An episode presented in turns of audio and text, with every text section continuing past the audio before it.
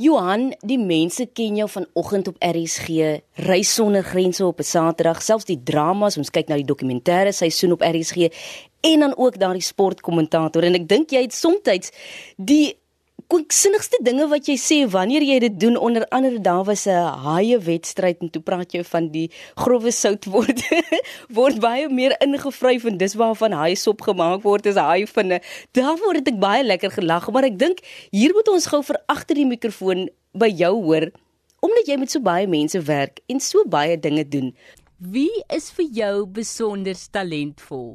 Ja, uh, so baie dankie vir die geleentheid om dit met jou te kan deel want dit is nogal iets wat ongewoons is.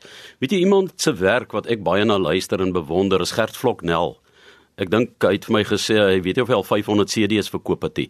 Maar ek luister na sy werk omdat hy so half die Bruce Springsteen is van die digwêreld en die manier waarop hy liedjies sing en so en Hy is nie noodwendig die ou wat opera kan sing of die beste sanger in die wêreld nie, maar hy gebruik poësie. Hy toon sê dit en hy praat op 'n besondere manier dat die see vandag lyk soos 'n win en swart skildery. En dan gaan kyk mense, waar's win en swart? Hy's oor die dromme speel vir Valiant swart. Toevallig, maar uh, hy het kuns gegee. Jy weet, dit is my lekker om daai tipe mense wat nie elke dag op die voorblaaie van tydskrifte is nie, te eer op daai manier. Ek hou van Gert Vloknel. Ek hoop jy's net so verras soos ek.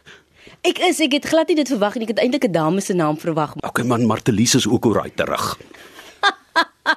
Jou oggend op RSG mede aanbieder. Ons vra hierdie so te sê vir almal. Wat het jy met jou heel eerste salaris gedoen? Kan jy enigsins onthou? Baie skuld gedelg, studieskuld. Maar ehm um, ek onthou die, die gevoel van bemagtiging as jy jou eerste salaris check kry. Ek het beslis ek en Mariaan uh, het gaan ietsie eet daarmee, ietsie kleins, maar ek het 'n groot gros daarvan aan skuld terugbetaal want ehm um, dis hoe ek nou deur my studiejare gekom het. Ek het nie vermoënde ouers gehad wat vir my kon, hulle het my ongelooflik ondersteun, maar finansiëel die vermoë gehad het om al 5 ons kinders deur universiteit te kry op hulle onkoste is nie so ons het maar so 'n bietjie skuld aangegaan daarvoor, maar selfs met daardie skuld ehm um, het ek baie lekker dae gehad op universiteit en ook nou en dan 'n roomys gaan eet. Wil sien dit dat jy reis onder grense aanbied. Gaan ek gou die fokus plaas op Kaapstad. Waarvan hou jy van Kaapstad en wat verpes jy? Kyk, dit is beslis een van die grootste uh, toerisme stede in die wêreld. Dis opwindend, dit is kontinentaal. Waarvan ek nie hou nie is wanneer jy hier by die groot dae kom en jy wil hier 10 uur of 11 uur miskien op 'n ou Kersaand uitgaan of die 26ste, dan is die flippende restaurante toe. Ek kan nie glo dat hulle sulke goeie geld maak dat hulle dan toe is. Dis die grootste frustrasie. Natuurlik die angs wat ons het oor water in Kaapstad is besig om 'n groot rol te speel. So Ek wil nie sê dit sit my af van Kaapstad, maak my bekommerd oor hoe hanteer ons toerisme infrastruktuur met hierdie droogte. Maar restaurante, jy moet flip en oop wees van 10:00 in die aande af. Jy lyk ook vir my vreeslik na 'n dieremens. Watter tipe dieremens is jy? Weet jy, um, ons het nou maar altyd so 'n hondjie of wat by die huis gehad, maar toe ek aan Mariaan verloof geraak het en getrou het met haar, het sy 'n Belgiese herdershond gehad. Dis 'n pragtige hond, dit lyk soos 'n Alsatian. Uh, uh, hulle noem dit ook 'n swart wolfhond party mense. Dit word vir polisieering werk in België gebruik as lieflike honde.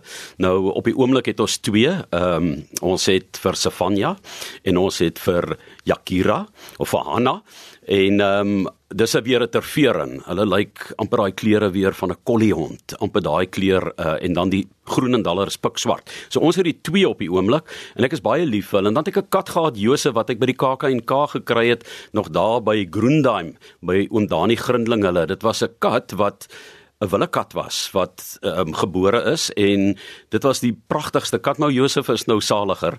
Uh so ja, jy kan vir Belgiese herders in een kat Josef gee wat nou nie meer met ons is nie. Hulle het die vreemdste name ook nog daarby. Wat is vir jou die lekkerste wegbreekplek in die land? Weet jy, is eintlik 'n plek waar ek lanklaas was, maar beslis uh, my hartsplek is Injasuti, dis in die Drakensberge. Dit beteken dik gevrete of lui hond. En as jy daar is, is dit nie wat jy doen nie.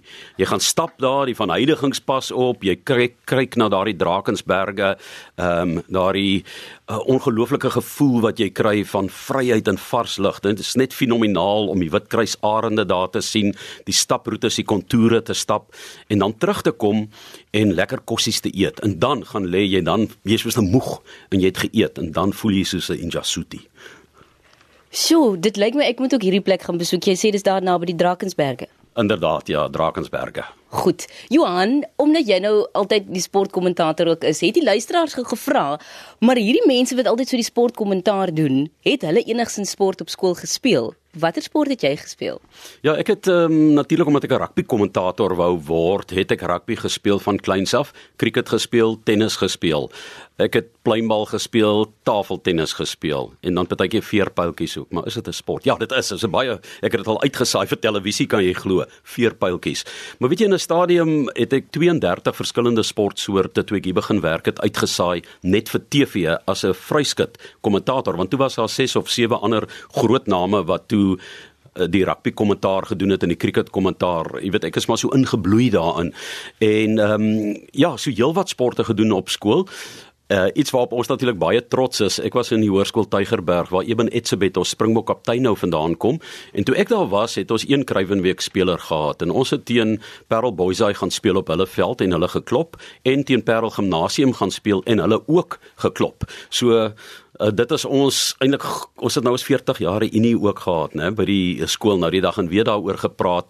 Dis hoekom as ek 'n toetswedstryd uitsaai en ons speel teen Japan, teen wie ons al verloor het wat my reg bewys het of Italië, dan sê ek moet nooit 'n ander span onderskat nie. Jy weet nie wat daai dag in hulle harte is en as hulle gaan opstaan, dan gaan hulle vir jou pik as jy net opdaag vir 'n wedstryd. En dis wat ons gedoen het. Ou Karel Du Plessis, hulle onthou dit Kobus Wiese, hulle hulle sal daardie wedstryde nooit vergeet nie. Jy weet dit was vir hulle 'n skok om teen ons te verloor, maar weet jy hoe vreugde was dit vir ons?